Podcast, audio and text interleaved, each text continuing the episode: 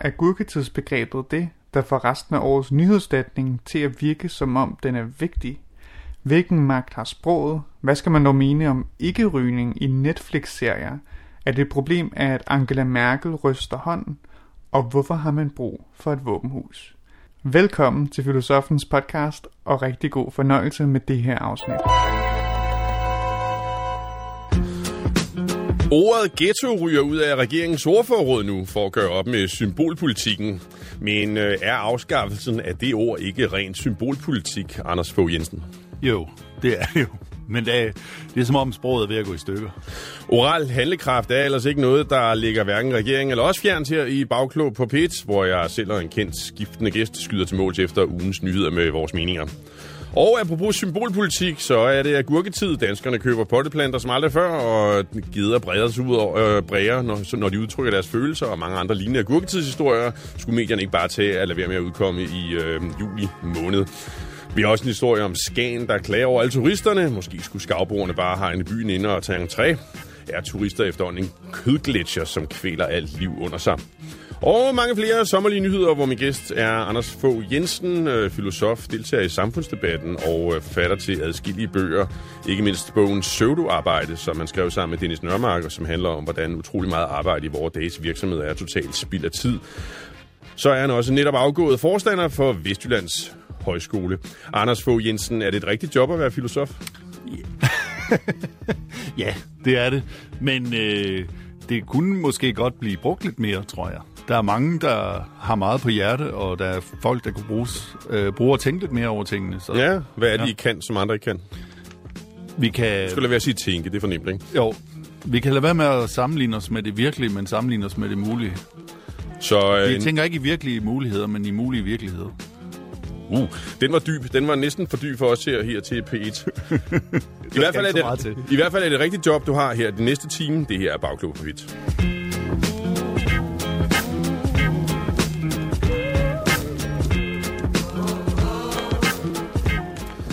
Nå, vi starter anden time med øh, Rød Bloks opgør mod Blå Bloks symbolpolitik på indvandrerområdet. Først så svømmede de radikales leder Morten Østergaard fra Lindholm i en symbolsk protest mod den daværende regerings øh, symbolpolitik. Nu afskaffer vores nye boligminister Kåre Dybvad ordet ghetto fra regeringens ordforråd i et symbolsk opgør med den daværende regerings symbolpolitik. Eller noget. Men ho, øh, hvad så med alt den tidligere regerings ghetto-lovgivning? Skal den så også ændres? Der står jo ghetto på hver anden side i de love. Nej, nej, det skal de ikke, fordi øh, Kåre Dybvad vil ikke ændre formuleringen i lovgivningen. Han vil bare ikke selv bruge begrebet, blandt andet fordi det er et upræcist begreb. Og øh, apropos upræcist, kan vi lige høre, hvad, øh, hvordan Kåre Dybvad selv forklarer tiltaget her. Vi står ved lovgivningen, men der er ingen grund til at bruge et udtryk, som folk, der bor i boligområdet, mener er nedsættende. Det kommer til at betyde, at når jeg holder tale, og når jeg mødes med folk i boligområdet, så kommer jeg ikke til at kalde det sted, de bor, for en ghetto. Det er klart, at hvis det står i lovgivningen, så må jeg bruge de teknisk juridisk rigtige øh, ord, men i mine taler, i den måde, jeg omgås med folk på, der vil jeg ikke bruge det. Så øh, ordet får lov til at blive i lovgivningen, men det rydder ud af hans taler og hans tanker. Øh, det her er jo øh, symbolpolitik på steroider. Det er sådan next level symbolpolitik. Et symbolsk opgør med symbolpolitikken. Mm. Ja, ja, det er det. Øhm, og jeg, jeg tænker sådan lidt, altså, hvorfor? Altså, vi har fået øjnene op for sprogets magt, det tror jeg. Jeg ved ikke, i filosofien var det i 1870'erne, så kom det igen i 1970'erne og blev moderne i 80'erne. Og nu øh, har vi, tror vi så, at, øh, at fordi et sprog har en virkning i verden, så og at det, det er med til at, at konstruere, så betyder det alting. Og derfor så er vi så helt bange for at bruge sprog, vi bliver bange for sandhed og så videre. Altså sådan en idé, som jo at, at sproget skaber, det betyder jo ikke, at hvis jeg siger cykel, så står der en cykel. Altså, øh, vi, Nej, det der med ordskab, ordskab og virkelighed, det skal ja, ikke tages helt bogstaveligt, vel? Nej, det skal det ikke. Og så meget virkelighed skaber det heller ikke. Altså, jeg mener, en arbejdsløshedsproblem en arbejdsløs problem er måske ikke bare, at han bliver kaldt arbejdsløs, det er også, at han mangler penge. Eller, og, mangler job. Ja, og måske hvis, hvis ghetto, så, nu synes jeg jo ikke, ikke at ghetto er så nedsættende et ord. Øh, jeg har for eksempel været i øh, ambassadeghettoer, altså hvor folk der samler sig, og det, det kan Spil, godt... Spildt ghettoer i Østerbro på København? Ja, der kan jo være meget rart ved at samles med dem, som man ligner. Men hvis det så er et nedsættende ord, så er spørgsmålet alligevel ikke, om vi ikke skulle bruge det, fordi hvis vi, ikke, hvis vi nu kalder det noget helt andet, hvorfor er det så så bliver det svært at se, hvorfor ghettoen er et problem.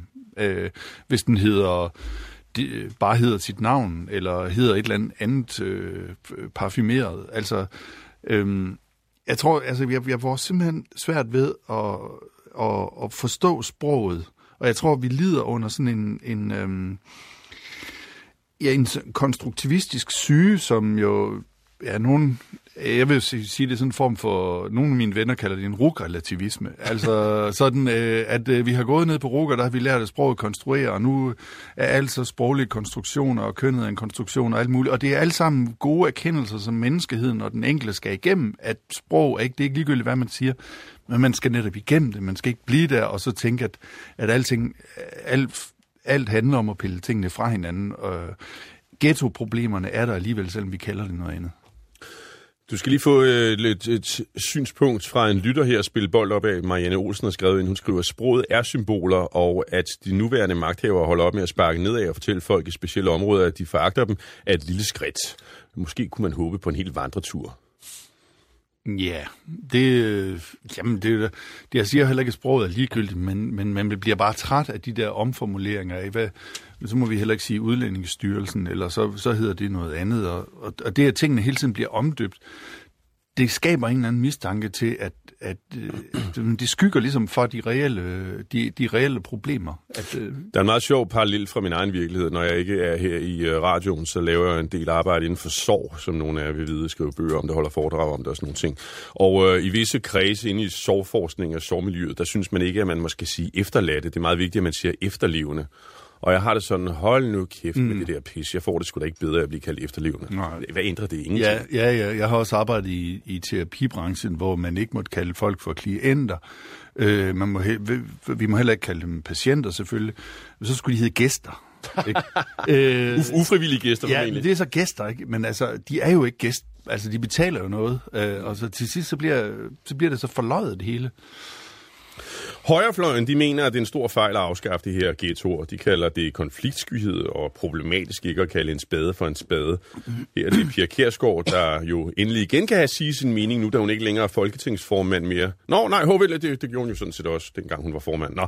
øh, men øh, her tager hun et symbolsk opgør med regeringens symbolske opgør med den tidligere regerings symbolpolitik. Det er ghettoområder, og det er jo simpelthen derfor, at det skal laves om. Altså, der er jo enorme problemer i de områder. Jeg synes, det er pjat, at man ikke kan kalde det det, det er. Har en ny minister ikke andet at se til, så er det godt nok skrald. Det er jo konfliktskyhed. Altså nu skal det være politisk korrekt, åbenbart. Jamen altså, når man kan bruge det i lovgivningen, og når Socialdemokratiet også har brugt det, så kan jeg slet ikke forstå, hvad det skal til for det her.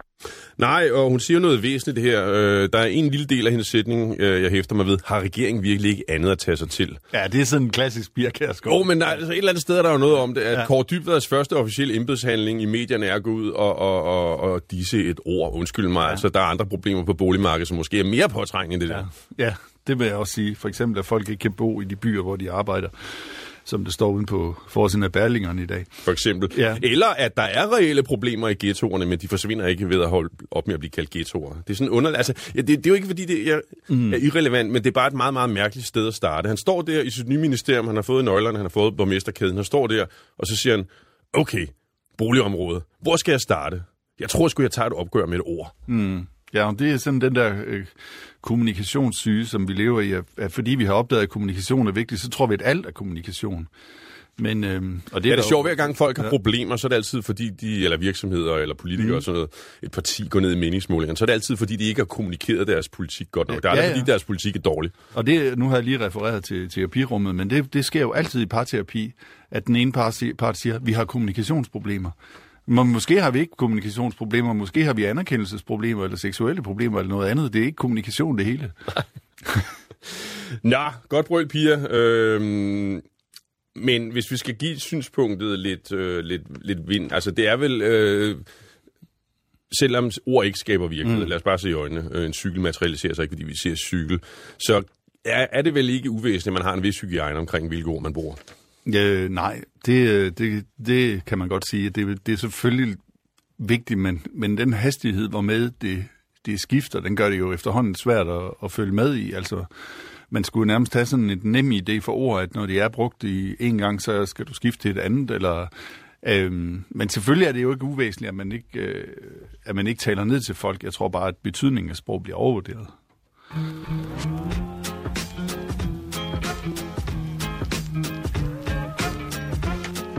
Bagklog på P1. Sig, han skal pakke sig mysse. Her i dagens bagklog, hvor min gæst er øh, filosofen Anders Fogh Jensen, kan du som sædvanligt kloge dig med i øh, vores øh, meninger, hvis du skriver ind på bagklogsnabelag.dr.dk. I den her time kan du for eksempel skrive ind om masseturisme, som er ved at blive for meget. På Skagen, der klager skavboerne over, at der er alt for mange turister, der larmer og fester så meget, at de slet ikke selv kan være der, de lokale. Og øh, det er de jo ikke enige om. Vi har hørt lignende historier fra Venedig, Amsterdam, Barcelona og mange andre byer, der klager over, at er ved at blive kvalt i øh, turister.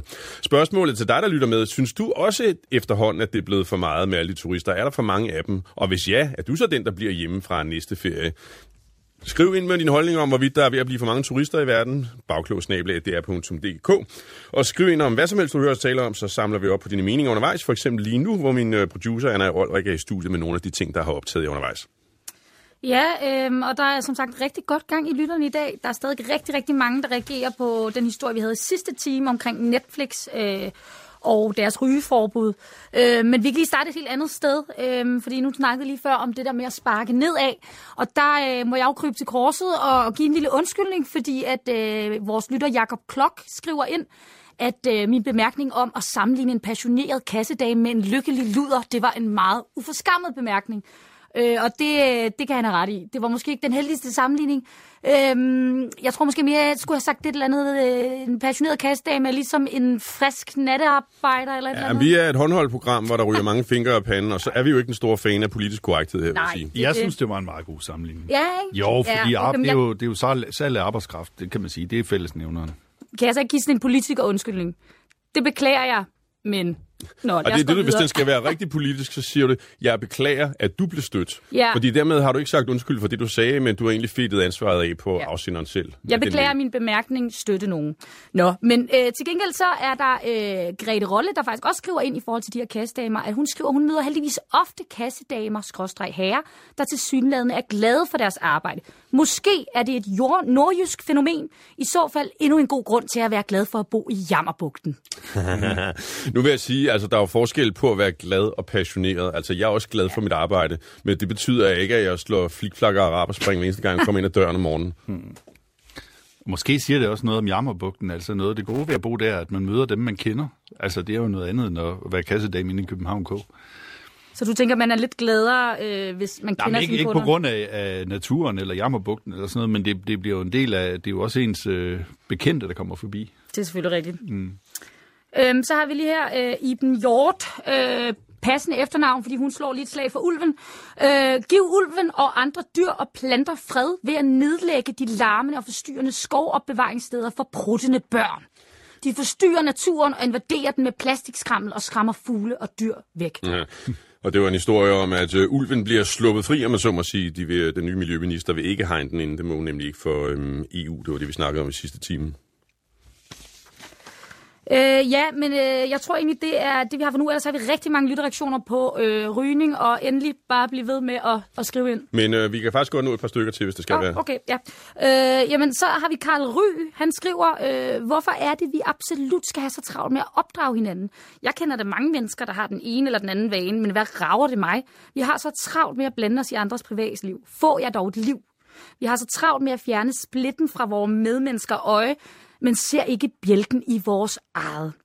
Og der refererer han til det her øh, rygeforbud, Netflix har, øh, har indført. Ja, og til et uh, citat fra Jesus. Ja. Og apropos, for jeg tror jo, at sundheden er ved at blive den nye Gud. Det er det, der gør, at man må, man må blande sig i andres uh, livsførelse. Fordi vi, og, og, og så nedrulningen af rygning, det er så den nye burka.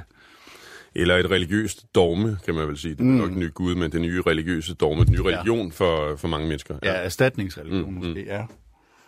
Jeg tror bare, jeg har, jeg har personligt svært ved at se, hvor, hvor, hvor det stopper henne, så fordi uh, alkohol, øh, skal det så også? Altså den Det tror snak, jeg, vi det kommer. Før, det, det, at det tror er jeg helt klart. En efter en. Mad Men, det går ikke mere. Øh, så det kommer, så kommer den, den ranke holdning, og den, den øh, sådan, så bliver det jo sådan Disneyland til sidst, ikke? Der ender i hvert fald ikke med at være plads til bagklog til sidst i hvert fald, med vores holdninger. Nej. Du kan, lige få, du kan lige få endnu en ghetto-mail her på øh, falderæbet. Birgit Arbjerg har skrevet ind, øh, gæstedagens øh, bagklog, Anders Fogh Jensen, er helt åbenlyst aldrig, ligesom jeg, blevet kaldt barakunge. Det er ord, det er, der er ord, der er stigmatiserende, og ghettoer er et af dem. Mm. Det kan jo være, at man skal have boet selv for at mærke, hvordan det føles. Ja, at være barakunge, ja. Om vi vil alle eller ja. Okay, ja, ja, det kan godt være, at jeg er blevet kaldt mindre slemme ting, men vi vil alle sammen blive kaldt et eller andet øh, nedsættende. Øhm, jamen, det er jo ikke for at sige, at sproget ikke har betydning, men at, at hvis ikke vi må kalde en ghetto for en ghetto, så, altså, så skal vi være i så kontinuerlig en revision af sproget, at ingen længere forstår, hvad det betyder. Tak til jer, der skrev ind øh, i den her omgang. Øh, vi tager flere af jeres lytterreaktioner undervejs senere. Lige nu er det blevet tid til dagens quiz. Bagklogs Bagklog Nyhedsquiz er der, vi quizzer om nogle af ugens andre nyheder. Øh, og øh, som altid, så er det sådan, at hvis du, Anders Fogh Jensen, svarer rigtigt på øh, tre spørgsmål, hvor du har fået tre svarmuligheder til hvert spørgsmål, så kan du i dag vinde hvad, Anna? Dagens præmie er, at du får lov til sammen med Kåre Dybvad at fjerne det ord fra regeringspolitik, du allermindst bryder dig om. Okay. Og hvad skulle det måtte være? Nødvendighedspolitik måske? Det er jo et ord, der er meget populært hos øh, Socialdemokraterne. Ja, det, det, det vil jeg også øh, sige. Det er jo en undskyldning for ikke at tage ansvar. Det er jo et sted at starte i hvert fald. Tænk over, hvad for et ord du gerne vil have med, og så lad os se, om du får retten til det. Vi starter med spørgsmål 1. Miljøstyrelsen herhjemme har anmeldt Mærsk Oil for ulovligt at udlede miljøskadelige kemikalier i Nordsøen under olieproduktionen derude. Med andre ord, midt i klimakrisen har Mærsk svinet Nordsøen til, fordi de tænkte, at nu da der er klimakrise, så er der nok ikke nogen, der opdager, at vi laver en lille miljøkrise. Men nu falder hammeren så, og den falder hårdt. Mærsk Oil skal betale en bøde for svineriet. Spørgsmålet til dig er, hvor stor er den bøde? A. 50 millioner kroner. B. 500.000 kroner. C. De får en fratagelse af licensen til olieproduktion. Jeg tror, det er C. En fratagelse af licensen til olieproduktion. Giv det bare så vel. Det rigtige svar, det er 500.000 kroner. Nå. Det er, hvad det koster at forurene i Nordsøen. Mærsk Oil får bøden for ulovligt at have udledt to forskellige kemikalier fra sin boreplatform i øh, Nordsøen.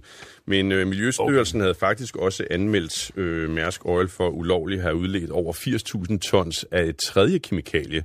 Men det får Mærsk ingen bøde for. De fik nemlig kemikaliet leveret fra underleverandør, leverandør, leverandøren Clariant, som åbenbart ikke informerede Mærsk godt nok om, hvor farligt det her kemikalie er. Øh, Så nu kan man ikke rigtig finde ud af, hvor ansvaret skal placeres, så myndighederne tænkte, så, så gider vi sgu ikke engang prøve. Så det er jo super. Øh, Det er jo også kun vores planet, det handler om. Der er sådan en sjov ting ved ansvar, Anders Fogh Jensen. Det har en tendens til mest at ramme små mennesker, ikke? Jo, jo. Man kan jo dårligt kalde det der en dagsbøde. 500.000. Nej, det, er jo, øh, det vil gøre en forskel i min private økonomi. Jeg tvivler på, at det gør det store for Mærsk. ja. Der er også nogle cykelrytter nu her under turen, der har fået en bøde på, på 200 svejserfrank for at tisse, hvor de ikke måtte. Ja, det, det går også nok for dem, tror jeg. Det gør det nok for en, øh, for en overbetalt cykelrytter. Mm. Yes, øh, jeg tror, var det ikke George Orwell, nu kan jeg ikke huske det nøjagtige citat. Han sagde et eller andet om loven, øh, som øh, det var sådan en ironisk bemærkning om lov, ligheden for loven. Altså, vi er alle sammen lige for loven, fordi den både forbyder rige og fattige og sove under brug og tikke om, øh, tikke om penge og mad. Nå, i den, spørgsmål to er vi nået til i quizzen. I denne her uge, der kom Danmarks Statistik med listen over de mest populære navne til øh, de nyfødte små poder i 2018. En årlig tilbagevendende begivenhed midt, midt i agurketiden her. Der er særligt et drengenavn, som i år har rykket sig opad i forhold til året før. Vi snakker altså ikke her om det mest populære navn i år, men det, som har rykket sig længst op ad listen.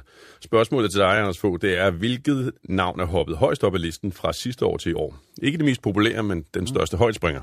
A. William. B. Hugo. C. Donald. Eller Donald. den er sjov, den sidste. Altså, jeg tror, at Donald kan vide, om det bliver den nye Adolf. øhm, Noget, man bare aldrig kan hedde. ja, altså jeg vil jo sige uh, Hugo. Fordi, ikke på grund af skærmtrollen Hugo, men, uh, men er det ikke som om, og det er heller, det er heller ikke uh, Hugo Boss, men, uh, men uh, Thomas Helmis søn, tror jeg, uh, der, det, jeg tror, at uh, dem, der hører ham, de er sådan, øh, de, de begynder snart at skulle døbe børn. Thomas var nemlig en first mover, det er rigtigt. Drengnavnet Hugo er på bare et år hoppet fra en 56. 20. plads til en 27. plads. Er forældre blevet vanvittige, eller hvad? Nej, det ved jeg ikke. Jeg synes, at Hugo det er et meget fedt navn. Synes du det? Ja. Ja, hvis til, til en ens papegøje eller noget, ikke? Altså, skulle da ikke et menneske. Ah, det kan jeg nu godt se for mig. Så også Victor Hugo. Ja, det, der er selvfølgelig noget med, at det ikke er så internationalt som William og Donald og sådan noget, men det er ikke det, du mener. Du mener, det lyder som hugorm, eller? Jeg synes, der er en sjov ting ved navne. Det kører jo lidt i bølger. Ja. Øh, og i øje, altså, altså, det, der jo altid sker, det er, at gammeldags navne bliver populære. Mm. Øh, før var det vores bedste forældres navne. Nu nærmer vi os jo forældrenes navne, altså hvor det bliver... Øh, det er kun et spørgsmål om altså, tid, før det er sådan øh, Preben og Knud Børge og Ib og sådan noget, der kommer på, på mode, og det bliver jo helt forfærdeligt. Og Bente og Inger. Og Jamen, altså, ja. det, er jo, det er jo skrækkeligt at tænke på. Hvor mange babyer tror I, der hedder Esben i dag? det gode ved det navn, det kan man mene mange ting om, men det gode ved det er, at det ligger altid under radaren. Det er ja. aldrig med på nogle popularitets... Øh, lister, så det har man øh, nogenlunde for sig selv, øh, kan man sige. Det er det gode ved det, hvis der ikke er andre ting, man kan sige om det. Det mest populære navn i 2018, det var William på drengesiden og Ida på øh, damesiden, og det var det også året før. Geografien, den spiller også ind, når vi vælger navne. Københavnerne, de vil skille sig ud, når de vælger navne til børn, og når jyderne, de vælger de mere traditionelle navne. Øhm, I regionen Nordjylland og Midtjylland, der er det William, der er det mest populære. I hovedstaden, der er det Oscar som et eksempel på det. Nå, men øh, nok om det. Det var spørgsmål 2 her i vores øh, bagklog bagklogs. Vi når vi hopper videre til øh, spørgsmål 3. Øh, Øresundsbroen, den skal males. Den er 300.000 kvadratmeter stor. Det svarer til øh, 45 fodboldbaner. Øh, spørgsmålet til dig, Anders Fogh. Hvor lang tid kommer det til at tage at male den bro? A. 13 år. B. 3 år. C. Den er færdig samtidig med Tibet-kommissionen. Det vil sige aldrig. ja, det, det, det, er, den er god, den der ser. Ej, øh, altså... Tre år må kunne gøre det.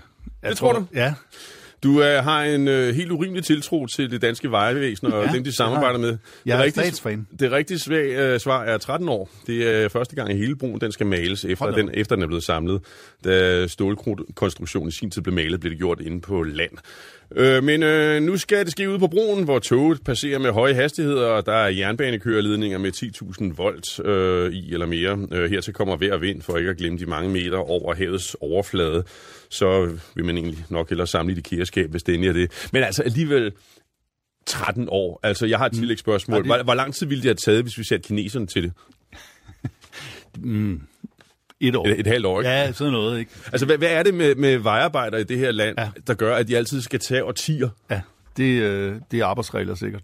Jamen, ja, ja, men, ja, et eller andet er det i hvert fald. Jeg kan mm. huske, øh, altså hver gang man kører forbi et vejarbejde, så er der aldrig nogen mennesker. Der står bare vejarbejde, men der er ingen, der arbejder. Nej. Og os, der bor her i København, kan huske omfartsvejen, øh, motorringvejen, den ja. var under ombygning i årtier, og ja. det var helt bogstaveligt i årtier. Ja. Og jeg tænker bare, altså, de, kineserne skulle aldrig have fundet sig i det der. Nej.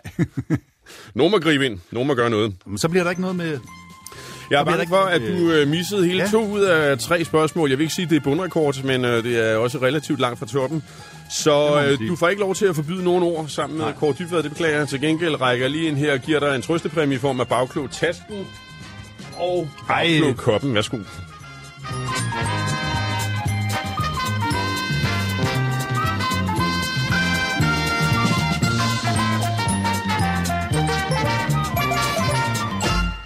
Husk at skrive ind på den historie, vi skal tale om lidt, nemlig masseturisme. Skavboerne klager over, at Skagen er fuldstændig overrendt ved at blive udlagt af turister. Synes du også, det er blevet for meget med alle de turister? Og hvis du synes, har du så selv tænkt dig at blive hjemme? Skriv ind på bagklogsnabelag.dr.dk med dit synspunkt på den historie. Nu skal min gæst Anders Fogh Jensen og jeg selv Esben Kær til øh, at kigge lidt på sommeren. Den er som bekendt over os. Øh, nyhederne er gået i hi, og det er gurketid. Det vil sige, at der er ingen nyheder og kun praktikanter til at skrive dem. Alle gavede journalister de er selvfølgelig flygtet på ferie, så de slipper for at skulle arbejde på et tidspunkt, hvor der ikke er noget arbejde reelt. På en eller anden mærkelig måde er nyhederne i øjeblikket med andre ord faktisk så latterlige, at det rent faktisk er sjovt. Så her på Bagklog har vi fundet ugens bedste agurker og lavet denne her gang agurkesalat ud af dem. Vi starter med en vigtig nyhed. Salget af stueplanter er stigende. En nyhed, som P4 heldigvis har kastet sig over her. Alene hos brancheforeningen Danske Havecentre har man oplevet en stigning i salget af stueplanter på 16 procent. Og Christoffer Poulsen, du er på besøg i et hjem på Østerbro, hvor der virkelig er gang i planterne. Ja, det må man sige. Naturen er i hvert fald rykket indenfor. Det er jo nærmest en uh, indendørs jungle, jeg befinder mig i. Og uh, det er dig, Miki Marker Munk, øh, der har den her lejlighed, jeg går rundt i. Hvordan startede den her samling af planter? Jamen, øh, den er sådan set øh, medfødt, kan man sige, fordi at øh, både min mand og jeg, vi, øh, vi kommer fra grønne hjem, hvor vores forældre har haft planter fra gulv til loft. Hvad får du ud af alle de her planter? Jamen, øh, jeg bliver lykkelig af, af at kigge på grønne planter. Jeg elsker at nuse om dem. Ja, og hold på hat og briller, for vi skal direkte videre til en ultraspændende nyhedsreportage fra P1.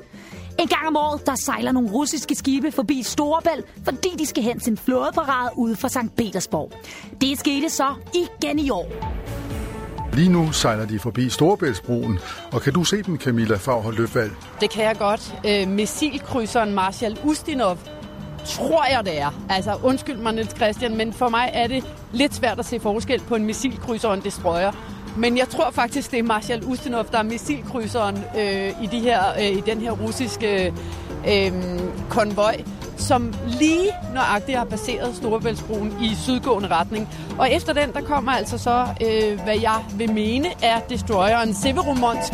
Wow! Jeg håber ikke, at pulsen sidder helt oppe i halsen på jer nu, men hvis den gør, kan I heldigvis få den helt ned igen med den her vilde nyhed om ko-yoga.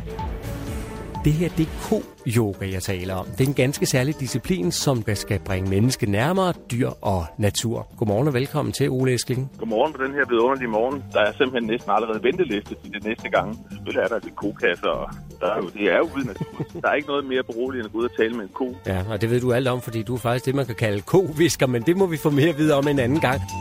Ja, hold nu op. Den må vi tage en anden gang. For som Ole Brink også fik sagt på P1 i den her uge. Jeg ved ikke, hvad vi ellers skal lave af den historie.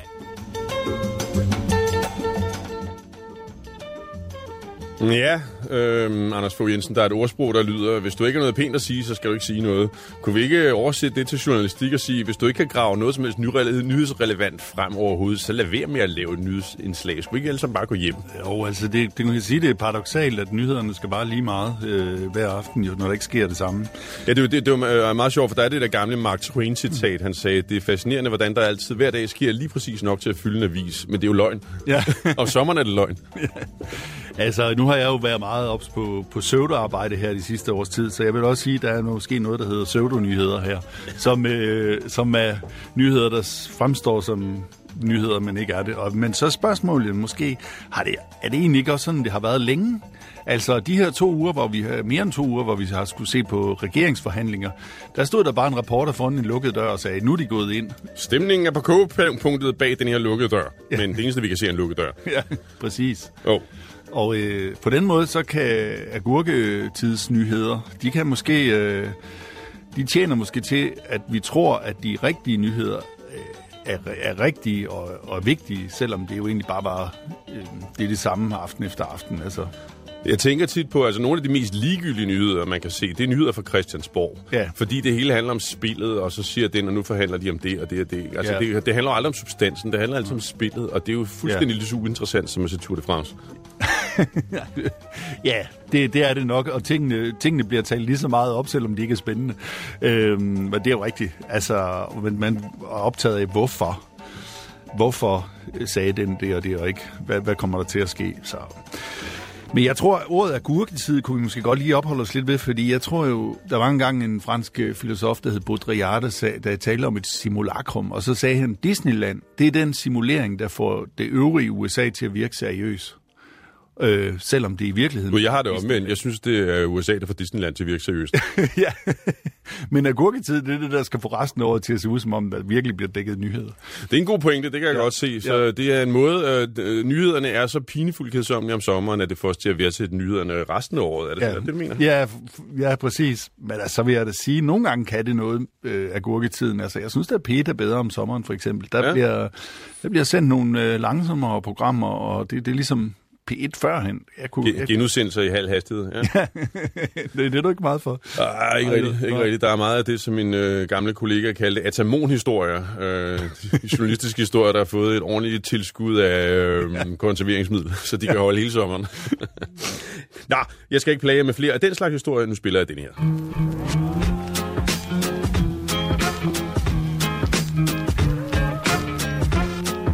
Bagklog på P1. DR's ledelse vil gerne benytte lejligheden til at sige undskyld Nu tager vi en tur til, tur til øh, Nordens Ibiza. Der er fest, der er fuldskab, og det vrimler med turister. Og det er selvfølgelig Skagen, den berømte uge 29, hvor overklassens dumme børn fester på grenen med en ordentlig kæp i øret. Den er først i næste uge, men festen deroppe, den er allerede i gang. Og øh, om sommeren, der er Skagen en stor legeplads for de rige og for turisterne, og øh, det er nogle af beboerne ved at være rigtig godt trætte af. Vi drukner i turister, lyder det nu fra Måns Bandholm, der er formand for beboerforeningen Skagen Centrum. Der er ved at være for mange turister i Skagen, lige så vel som der rundt omkring i både Danmark og Europa er for mange turister, og det begynder at være en byrde for de forskellige øh, museer osv. Heroppe har vi for mange øh, turister, der kun kommer op for ja, at nyde musik og for at, som det hedder, drikke sig i hegnet, og ikke har ret meget med Skagen at gøre.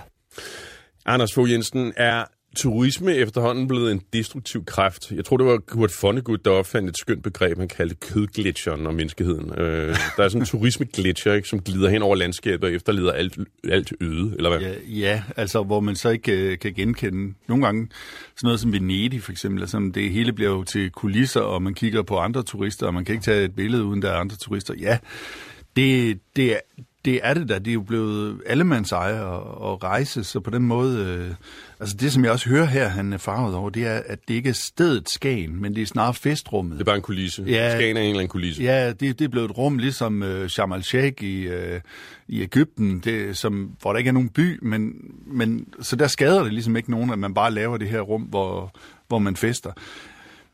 Det, som jeg tror, der ligger nede under den her historie, det er et had til viskebæltet. Jeg tror simpelthen, det er, at man er, man er træt af, at det er nordsjællændere, der kommer. Øh, ja, og man er træt af, at det er... Der er jo den der berømte u 29, hvor overklassen Ja. ja. tager til, øh, til Skagen, ikke? Ja. Og opfører sig, som om de er helt op. Ja, og, øh, og det tror jeg, det er dem, man er træt af egentlig. Øh, Mere end at, øh, at man er træt af, at der kommer mange øh, tyskere, eller hvad det nu var. Øh, men det skal jeg ikke kunne sige, og det har bare en mistanke til, ud fra mit, øh, mit kendskab til Jylland. Øhm, Men problemet er jo mere generelt. Hvis vi Ja. hopper væk fra Skagen og til, nu nævnte du selv Venedig, som er et af de værste eksempler mm. på det der overhovedet. Øh, Barcelona fører også krig mod turisterne, og Ja. så jeg husker, der også været med, med en masse ballade i Amsterdam. Og en Ja. ja. række byer er bare ved at få nok nu, Ja. øh, fordi der simpelthen er blevet for mange af os. Hvor skal du selv hen på sommerferie forresten? Jamen, jeg skal flytte i min Nå. sommerferie, så jeg skal, jeg skal ingen steder. Øhm, jeg skal til Rom i efteråret. Ja. Øhm, Hvordan har du det med det? Jamen, det har det godt, når jeg skal ned og undervise nogle læger. Øh, Du har en, du har en legitim årsag til være der. ja, men det selvfølgelig skal jeg også ud og se noget. Det er rigtigt. Øhm, altså, jeg, jeg var for nylig til gengæld på Færøerne, og, øh, og der, der, der siger de også, bare det her ikke bliver den nye Island. Altså, bare det ikke bliver overrendt af amerikanere og japanere, der skal se månelandskaber eller sådan noget. Øh, Det er nemlig sket. Jeg har også lige været på Færøerne Ja. ja. her for nylig, øh, hvor jeg ikke var turist, men skulle op og holde Ja, men bare roligt, jeg skulle også op og holde for. Er det det? Ja. Øh, men jeg var overrasket over de der, øh, der var sådan påbud til turisterne alle steder. Sådan opfører du dig som ansvarlig turist. Det stod alle mulige steder. Og jeg Ja. tænkte, færøerne, kom on, altså I skal da være glad for, at der overhovedet kommer nogen. Men det gør der åbenbart. Ja, ja, det gør der, og jeg tror, det er ved at blive noget, og de, de, der er en, det er en hæftig debat deroppe lige nu. Det er nok deres ulven, øh, hvis man kan sige det sådan. Det er, hvad skal vi, skal vi sige, det er godt, at øh, nu kommer der en masse turister med penge. Altså, man begynder sådan at lave stier og sådan noget, fordi de jo de sviner og tra- nedtramper, som bare pokker og skræmmer fugle væk og sådan noget. Men du har da ret, altså. På en måde skulle jeg være glad for, at folk vil komme til færøerne. Op i, op i Skagen kan man godt finde nogen, der er glade. Viceborgmester i Frederikshavns Kommune, han hedder Bjarne Kvist, han øh, ser jo økonomiske fordele ved turismen sjovt nok, og han mener ikke, at opførelsen er så slem igen. Jeg har været på ferie alle mulige steder i verden, og jeg har oplevet fulde mennesker alle mulige steder i verden. Jeg har ikke oplevet, at problemet er værre i Skagen, end er alle andre steder. Der er et lille begrænset område lige midt i byen, hvor der er restauranter. Her er der fest, her er der liv, her er der glade dage. Hvis ikke man kan tåle det, så kan man gå 500 meter væk. Så er man ude i en fri natur hele vejen rundt om Skagen. Der er strand, og der er museer, og der er kultur. Der er noget for alle, og jeg skal ikke gøre mig til dommer over, hvad der er kvalitetsturisme for den enkelte. Og så er der også lige øh, Annette Lind her, som bor på Skagen og kommer med det klassiske argument, I needed the money. Jeg tænker, at vi kan ikke undvære turisterne. Det er fordi, det er dem, der holder os kørende øh, om sommeren, og det er dem, der holder os, at vi kan holde os kørende om vinteren også. De fleste af dem, de er jo i godt humør, og vi kan da godt blive enige om, at der er der også nogen, der falder uden for kategorien, men de er jo alle lige velkommen. Altså, om det er din 100 kroner eller min 100 kroner, det er jo 100 kroner og 100 kroner. Jeg har noteret mig, at der er sådan en masse nye turistdestinationer, der er ved at opstå, fordi vi sådan i takt med den her udvikling begynder at syge nye steder. Vi gider ikke tage til Barcelona mere, mm. fordi der simpelthen er for mange turister. Nu nævnte du selv Færøerne, som mm. jeg ikke var klar over var en turistdestination. Det er det åbenbart. Men det nye er, at vi søger ned til sådan andet geled i turistdestinationerne, øh, ja. og måske tredje, fjerde, femte. Hvor kan vi, hvor kan vi ikke ende henne? Det næste ja. bliver vel, at øh, folk øh, tager turisterne strømmer ind i det sydlige København eller noget. Ja, eller Ukraine. Ja, det er nok nede i fjerde geled. Der er jo allerede Tjernobyl, Tjernobyl-turister. ja, men det er rigtigt sådan et sted som Kroatien, øh, så bliver det de andre eks- eks-jugoslaviske republikker, man tager til i stedet for. Øhm, men det, det er jo... Ja, det, det tror jeg som også er meget godt, fordi det, at vi ikke stemmer sammen, som får de samme steder. Lad os øh, høre, hvordan øh, jer, der lytter med, har det med øh, masseturisme. Jeg bad jo om at skrive ind med jeres mening om, hvorvidt I synes, det bliver ved at blive for meget med al den turisme. Og øh, opfordrer til lidt selvrensagelse om, øh, hvor I har tænkt jer at tage på ferie. Anna Ulrik, min producer, er i studiet. Ja, men øh, der er faktisk meget splittet vende øh, hos lytterne her. Der er, jeg vil nærmest sige en 50-50 af folk, der er pisse af turister, og andre, der siger, ro på. Øh, vi kan starte i den lidt negative ende. Ikke? Øh, Olav Nielsen han skriver, at øh, masseturisme har fanden skabt. Fattigrøvsturisme bør forbydes. Gastroturismen skal fremmes. De betaler en masse penge på arbejdskraftsintensive ydelser. Velkommen alle med mindst tre forudbestilte reservationer på Michelin og lignende restauranter, men det kræver også overnatning på fire eller fem stjernede hoteller. Det vil være til alles fordel at skåne såvel miljø som klima. Og så har jeg hæftet mig ved lige at, øh, at tilføje, at Olav Nielsen er fra Vanget. øh, og et interessant elitært synspunkt om, at øh, turisme kun skal være for de rige, ligesom ja. i øh, gamle dage. Ja. Ja, og så har vi Dorte Nielsen, der øh, forholder sig lidt mere til øh, turismen i andre lande, som I selv snakker om Venedig. Her der øh, refererer hun til Firenze. Ja, det er forfærdeligt. Jeg var i Firenze for nogle måneder siden. Byen var proppet med turister. Det var, der var intet autentisk liv tilbage, og det var forfærdeligt. Aldrig mere turistfælder for mit vedkommende. Øh, og der tænker jeg lidt på det her med, at hun siger det der med, at der ikke rigtig er noget autentisk tilbage. Er det mm. lidt der, vi ender, at, at alle byerne lidt ligner hinanden måske? Øh, ja, men også at det autentiske så bliver til en, en kulisse. Altså, ja. Så det, man tror, man er trådt ind på et teater eller sådan noget. Øh, fordi vi alle sammen higer efter det der autentiske. Det var meget sjovt, jeg var i Venedig på et tidspunkt, øh, hvor der bor 40.000 mennesker og kommer af det 30 millioner turister om året, eller et eller andet ja. fuldstændig vanvittigt antal. Og som du selv sagde, så er det umuligt at gå rundt øh, og, og ikke se andet end turister. Man ser kun turister. Ja. Øh, så var der med nogen, der kendte byen, og, og de tog os med ud i hjørnerne af byen, og det viser sig, at der er faktisk liv ude i kanten, hvis man, mm. øh, hvis man finder de rigtige steder. Øh, og det var sådan set meget sjovt at opleve. Men jeg må indrømme, øh, og jeg havde at sige det, at selv inde i, i Venedig, øh, som var så smækfuld af turister, og der var ikke andet, og alle de italienere, der arbejder, der arbejder kun for turisterne. Det var jo stadig en fantastisk oplevelse ja, at være der. Ja, ja, ja. Og sådan er det jo også med Paris. Altså, den kan jo den kan bedre absorbere det, kan man sige, men den er også hæftig. Øh, men selv er den smuk alligevel. Ja, øh, så har vi øh, en lidt anden side af sagen. Vi har Ulrik Lemmike, der skriver, masseturisme i Skagen. Kunne være et sjovt eksperiment, at vi alle stoppede med at tage til Skagen bare et år så vil de vist være på røven og komme på andre tanker. ja. Så var der nok ikke meget liv i Skagens Centrumforeningen, der vi hørte om før, så vil de nok klappe i, det er rigtigt. Ja, og, øh, og til det, der siger Mi, øh, Mi Busk også, blot et kort citat, Money makes the world go round. Og det er jo så sandt, som det er sagt. Tak til uh, jer, der skrev ind på det synspunkt. Mailen står fortsat åben for jeres synspunkter lidt endnu. Uh, I skal skynde jer, fordi uh, vi når ikke at få dem, der kommer til allersidst før radiovisen med. Men uh, i hvert fald står mailen åben på bagklogsnabelag.dr.dk under hele udsendelsen.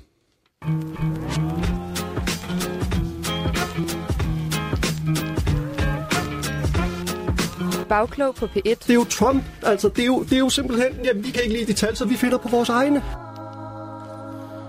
Og jeg griber lige fat i en aller sidste mail om Skagen, der lige nåede at komme ind her fra Carsten Rik. Han skriver, desto mere underligt er det, at de laver Skagen Festival, Skagen Vinterbader Festival. Øh, de kunne starte med dem selv, kunne de. damned if you do, damned if you don't. Ja. Nå, men øh, her i bagklog på Pet, hvor min gæst er filosofen Anders Fogh Jensen, skal vi til... Øh... Oh, undskyld, øh, jeg skal lige tage min telefon. Jeg spiller lige en øh, plade imens.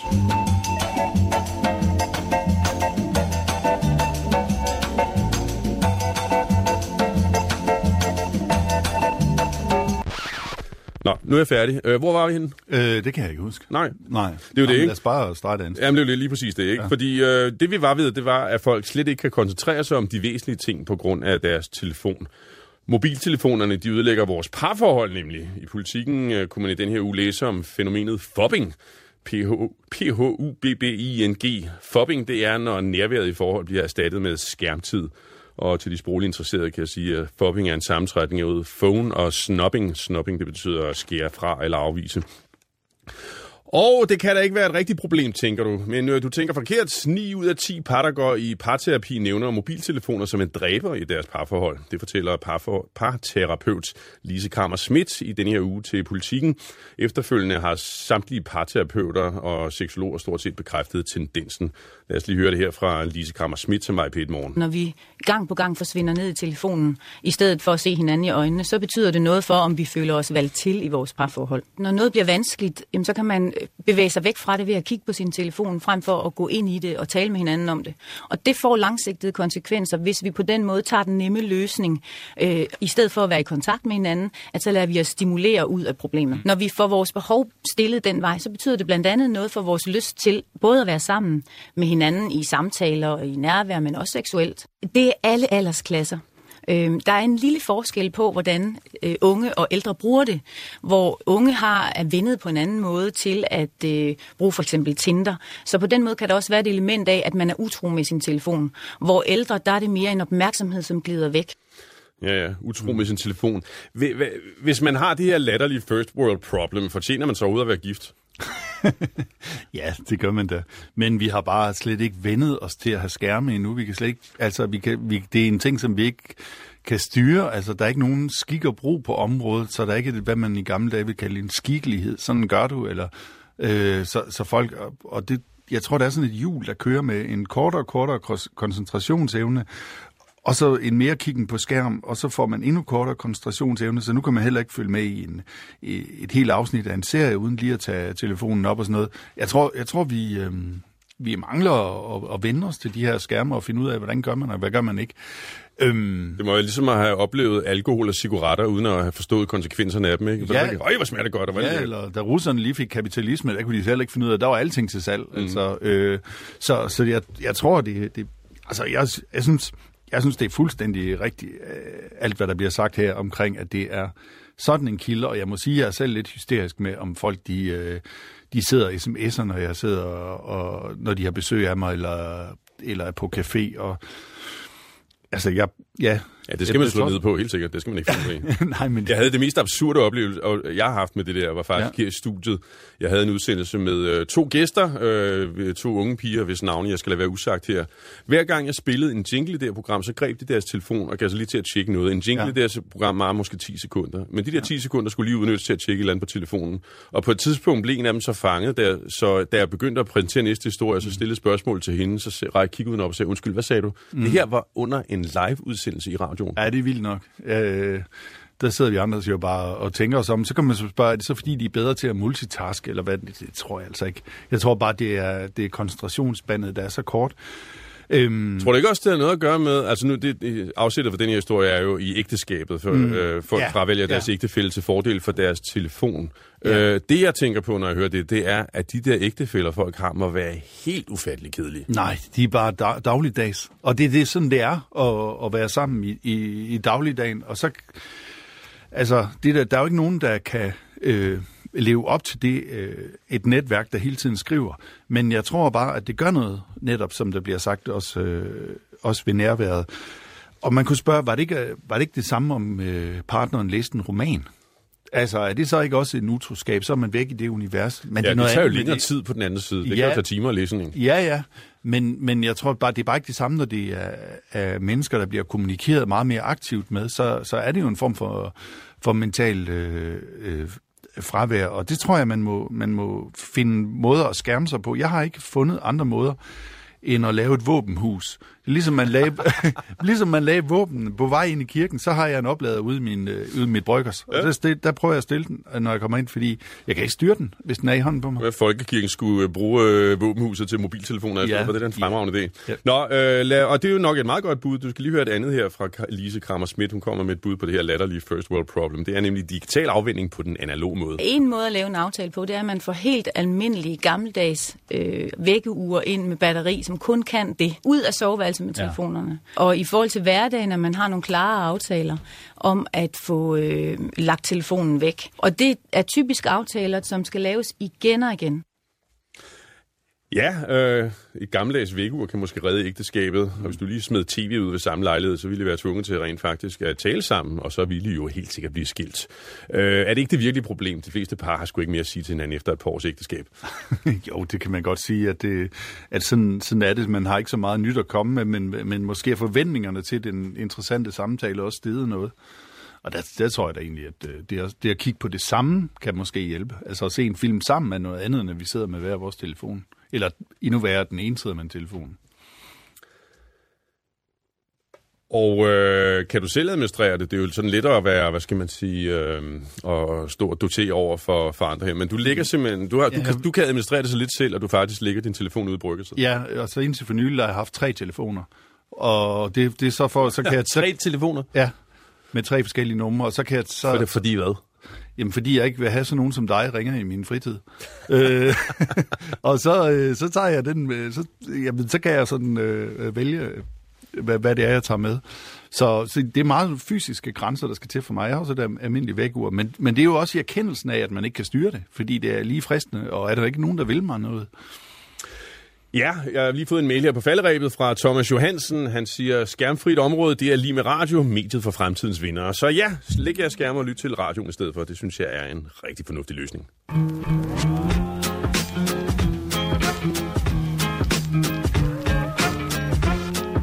Bagklog på P1. Klimatosser. Bagklogsnabel dr.dk står åben for jeres lytterreaktioner. Derfor er jeg min producer Anna Olrik i studiet en sidste gang med jeres reaktioner. Det vælter ind med lytterreaktioner her i sidste time. Øh, der er alt andet end agurketid over det i hvert fald. Øh, vi kan lige starte et sted, hvor der er en, der byder ind i den her ghetto-diskussion. Mm. Øh, Anna-Katrine Krabs barn, Ban, det er jeg lidt i tvivl om, øh, skriver sådan her. Hej Bagklog. Jeg har lige skrevet speciale om brugen af ordet ghetto og hvilken indvirkning den har på majoritetsbefolkningens holdning til indvandrere og efterkommere. Overordnet fandt jeg ikke, at bruget, at brug af ordet øget negative holdninger til indvandrere efterkommer kun blandt venstreorienterede og folk, som ikke læser nyhedsmedier. At højreorienterede ikke var påvirket af ordet skyldes nok, at de generelt havde negative følelser over for indvandrere og efterkommere. Så at den nye regering stopper med at bruge ordet, har nok størst indflydelse på venstrefløjen og folk, som alligevel ikke læser nyheder. Hmm, ja. Det er jo lidt interessant, måske. Ja, men jeg, jeg synes, det, det interessante er ikke, at der bliver skrevet et speciale om sprogets virkning. Det gør der jo hele tiden. Men, men, øh, men at det faktisk ikke har så meget øh, Ja. betydning. Det, det, er, der, er- det er sjældent, man møder et, en konklusion, der, der tør sige det Ja, i et speciale, vil jeg sige. ja at ghetto måske slet ikke er et Ja, så farligt sådan, ord. jeg, jeg, jeg spurgte øh, befolkningen, og de sagde nej. Ja. Det, det er sjældent, man møder sådan et speciale, men det er ærligt. Ja, og så er der Carsten Dyreborg, han skriver øh, igen om ghetto, en lidt anden øh, synsvinkel på det. Et, øh, et lands ghetto er et andet lands boligområde. Han er arkitekt, og for et par år siden viste jeg før og efter fotos af ombygningen af dansk ghettoområde til italienske arkitekter. Desværre misforstod de mine pædagogiske hensigter, og da jeg viste det første foto, der var et før-foto, troede de, at det var resultatet af ombygningen. Mm, ja, så det, øh, det kan jo godt være, at vores ghettoområder i virkeligheden er, er eftertragtet i andre verdens dele. Øhm, så øh, her en, en sidste kommentar til det her med ord, der måske skal, skal, skal fjernes. Der foreslår Jarlis Nielsen, at ordet beklager skal fjernes. Det skal erstattes med konsekvenser. Øh, og et eksempel på det, han har her, er selvfølgelig den her 500.000 kroners bøde til Mærsk. Ja. Øhm, der mener han, at beklager kunne godt måske erstattes med konsekvenser fremover. Jeg beklager, det er sådan et sjovt ord, Anders Fogh Jensen. Ja. Det er sådan en Ja. øh, undskyldning light på en eller anden måde, dem, ja. Når man ikke rigtig mener det. Ikke? Jo, jo, altså jeg vil sige, hvis man siger undskyld, så må man mene, og det vil jeg prøve aldrig at gøre igen. Og når man beklager, så, så siger man bare, når det er da lidt ærgerligt over, eller sådan, men Det er den der, jeg hører, hvad du siger, Men Ja, ja. Så Ja. jeg er også træt af be- beklager. Det er, når vi undskylder for vores satire, ikke? så siger vi altid, at vi beklager. Men jeg er endnu mere træt af, hvis man undskylder og bare mener beklager. Ja. Hvis man siger undskyld, og så tænker jeg, nu gør jeg bare det samme. Ja, og det er jo fordi, at dem, der gør det, har læst i en eller anden mediehåndteringshåndbog, at man skal lægge sig fladt ned, ikke? Jo. og så man kan godt sige undskyld uden at mene det. Ja. Ja. Altså, som altid skal man lytte efter intentionen bag. Øhm, vi kan lige, øh, altså det, det vælter simpelthen med lyttereaktioner, men der er stadig virkelig mange, der reagerer på øh, historien fra første time omkring Netflix, Netflix rygeforbud. Og der har jeg lige en lille Netflix mail. har jo indført rygeforbud i deres egne serier og øh, film. Og der har vi en, øh, en mail fra Kasper Højgaard Frederiksen, der skriver, det er sgu da fjollet at fratage den kreative og kunstneriske frihed i film- og tv-branchen og en smule sippet. Kan man ikke lave kompromis i stedet? For eksempel, alle der ryger i film dør i slutningen. En dø, død forårsaget af kraft eller lignende på grund af rygning. Det er et forslag til et kompromis, øh, Ja. hvor vi mødes på midten. Han tilføjer til sidst, øh, den her, som, som der også var andre, der var nervøse om, om det her nøgenhed også kunne forbydes. PS, hvad bliver det næste? At der ikke må vises bryster og lignende? Hvad havde Emilia Clarke været uden sin nydelige bryster og nøgne krop i Game of Thrones? I hvert fald mindre succesfuld og mange millioner mandlige følgere fattigere på Instagram. Hmm. Anders Fogh Jensen, kunne det ikke være mere interessant med et forbud mod vold? Jo, man kan Altså, sige... man kunne da hæve det, det var måske mere skadeligt end rygning. Jo, jo, og det er, det er, jo, det er jo meget mere eksponeret i, øh, i filmen end i verden generelt. Øhm, jo, det har man jo også diskuteret, øh, om det er farligt, men øh, altså, nej, det, det synes jeg, jeg synes, det vil være det samme. Det går ud over Hvad med et forbud genren. mod forbud? kunne det ikke være en idé? Jo, det er det, man kalder energi. Ja. Men, men det, som, den der, den der øh, nyhed faktisk fik mig til at tænke på, det er, at jeg har det ligesom om det er 1. april hver dag. At der er et eller andet ved den der nyhed, hvor jeg tænkte, første gang så det, tænkte, ej, det må være en aprilsnar. Eller, så der kommer den, den, man kan bruge mange aprilsnar over, øh, hvad, hvad Netflix forbyder næste gang. Listen, den er endeløs. Har du flere reaktioner, du vil af med, eller skal vi lukke butikken for det? Jamen, vi kan lige slutte af på en, øh, en sidste kommentar til det her øh, Skagen Turisme. Der skriver Jens Overgaard Nielsen. Det eneste, der er mere bundsk end første gang charterturister, der klapper, når flyet lander, er Hellerup segmentet på udsigtsbænken i Skagen, der klapper over, at solen går ned. Ja, det er en ting, man klapper over en solnedgang. Det er altså virkelig mærkeligt. Ja, ja det er flot, flot af solen. Jeg er sikker på, at solen får for lidt anerkendelse. Det er godt, I går noget ved det deroppe. Ja. Øh, og lad os lige gribe bare et par stykker nu, vi er i gang med de der masseturisme. Der er lige en fra Nicole, Nicole Rene. Hun skriver, at hvis bæredygtighed var et parameter, kunne man bare blive hjemme og koncentrere sig om trivsel, hvor man bor. Lære naboen at kende, nyde den lokale natur og gå en tur. Jeg bor i København, og også, der er også ved at være fyldt godt op. Jeg tror ikke på, at money makes the world go around, men money makes the world go down, hvis vi ikke får nogle nye definitioner på, hvad afslappning og oplevelse består af. Hmm. Og øh, for at illustrere pointen, er der også lige en mail fra Peter Egidius, øh, som øh, har sendt mig et billede fra Stavanger, hvor han bor af to kæmpe krydstogsskibe, der ligger midt i byen og dominerer hele skyline totalt. Han skriver, jeg bor i Stavanger, og midt i vores lille idylliske centrum ankommer der i år 242 øh, krydstogsskibe, og næste år 290. Udover de fuldstændig overskygger centrum, slipper de også store mængder, mængder af diesel os ud over byen. Ikke en optimal udvikling. Tak til alle jer, der skrev ind i dag. Du lytter til Bagklog på P1 med Esben Kær. Og nu skal vi have noget sport. Øh, Det er jo lige nu tid til et af årets højdepunkter, eller årets højdepunkt må det være, i internationalt cykelsport, nemlig Tour de Lort. Vi stiller om til bagklog sportsrapporter ved vejsiden på den krævende bjergetappe ved Alpe d'Huez. Stemningen er helt høj her i Frankrig, hvor jeg står på en landevej, hvor Tour de France er i fuld gang. Hvis jeg skal prøve at beskrive, hvad det, hvad det er, jeg ser lige nu, så vil jeg umiddelbart sige... Øh, ingenting lige nu, men øh, altså, vi har stået i 8 timer, og vi venter pisse spændt. Øh, landevejen er tom. Og øh, jamen altså, der øh, sker jo øh, ikke noget lige nu, men øh, vi er i pissegodt humør. Men nu, er, nu sker der noget, nu gør det! Fuck, det er vildt. Ej, fuglsanget dansår på. Hold nu. Og jeg nåede næsten at få pulsen op, mand. Nå, øh... Det, men, men, men det var vel det, ikke? Men de kommer ikke tilbage igen, eller hvad? Nej. Okay, det, vi, vi, bare, nu er vi slået helt til, nu er vi flået helt til Frankrig. Okay, nej. Øhm, okay, vil, vil du lige pakke min vandflaske sammen derovre? Ja. Super. Okay, ja. Nå, vi, øh, vi ses næste år! Ja, lad os tænde for tv'et og se turen. Hov, der røg fire timer af mit liv, der skete ikke en skid. Jeg er nu fire timer tættere på at dø, end da jeg tændte for Tour de Lort. Hvorfor interesserer civiliserede mennesker sig for cykelsport, Anders Fogh Jensen? Jamen, de interesserer sig heller ikke for cykelsport, men de interesserer sig for den der form for drøvtykning, som kører igennem en hel måned, hvor man ser øh, smuk natur, og man, man, der bliver ligesom... Altså, det foregår som sådan en, en baggrundskværnen, og for, jeg vil sige, for mig, som er frankofil op over begge ører, der er det jo bare øh, guf at se Frankrig, alle, alle sider af det her smukke land udfoldet. Så øh, det, det er sådan set... Med svedige almindelige lygre i forgrunden? Ja. Ej, det, det, er så ikke, det er ikke så drømme, men, men det, man skal lade være med at høre efter, det er den her talen spændingen op, fordi det er sjældent så spændende. Nu er det relativt spændende i år, men der er mange år, det har været enormt kedeligt, hvor, de er, hvor det er blevet talt op. Og så skal man måske overveje at slå over på et andet sprog, øh, så det ikke hele ikke handler om danskere, fordi øh, de er ikke så spændende. Ja, det du siger, det er, at, at kommentatorerne snakker hele tiden om danskerne, ja. som ikke har nogen betydning i løbet.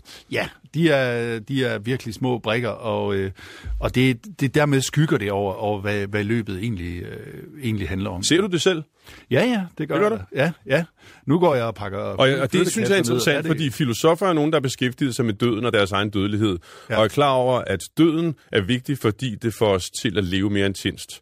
Og alligevel så sidder du og siger Tour de France. Ja, men det, det, jeg tror, vi har brug for det, det uintense, eller det, det, altså, der er noget gentagelse over turen, at det kommer hver dag, og at man kommer rundt i det her land og sådan noget. Jeg, jeg tror, det gør det... snavsede underbukser jo også.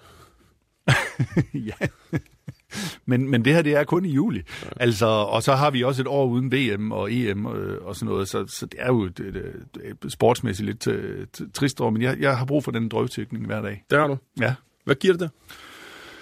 Jamen, det giver mig ro og gentagelse. Øh, nu er jeg selv ved at flytte, og, øh, og det at skulle øh, indstille mig på alt muligt nyt, så er det godt, at der kommer noget, øh, jeg kender, og som, øh, som bare som kører som en, øh, en baggrundsmusik. Øh, det, det, øh, ja, det, det kan jeg virkelig godt lide. Så, så savner jeg en let, men det er jo en anden, helt anden diskussion, en fil, vi ikke skal åbne. Ja, ja, jeg er øh, rigtig klog. Det er en ja. helt temaudsendelse, der ligger der og venter lige der.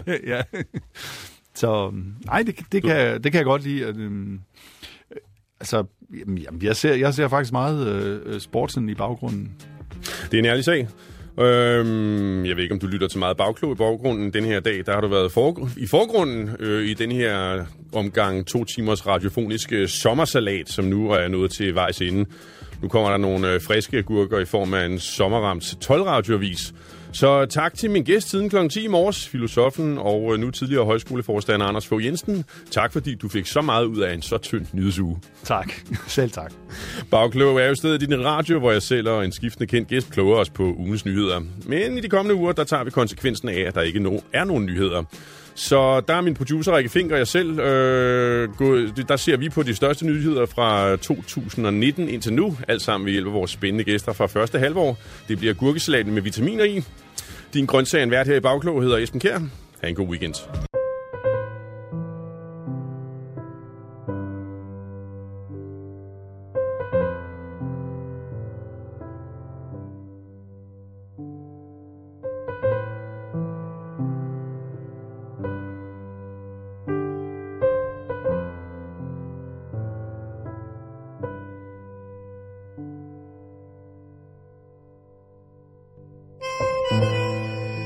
Du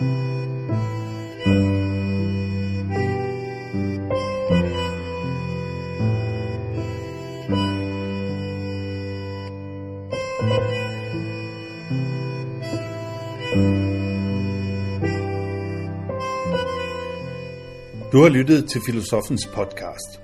Se mere på min hjemmeside, filosofen.dk, og tag med mig på dannelsesrejse. Se dannelsesrejse.dk. Mit navn er Anders Fogh Jensen. Tak fordi du lyttede med.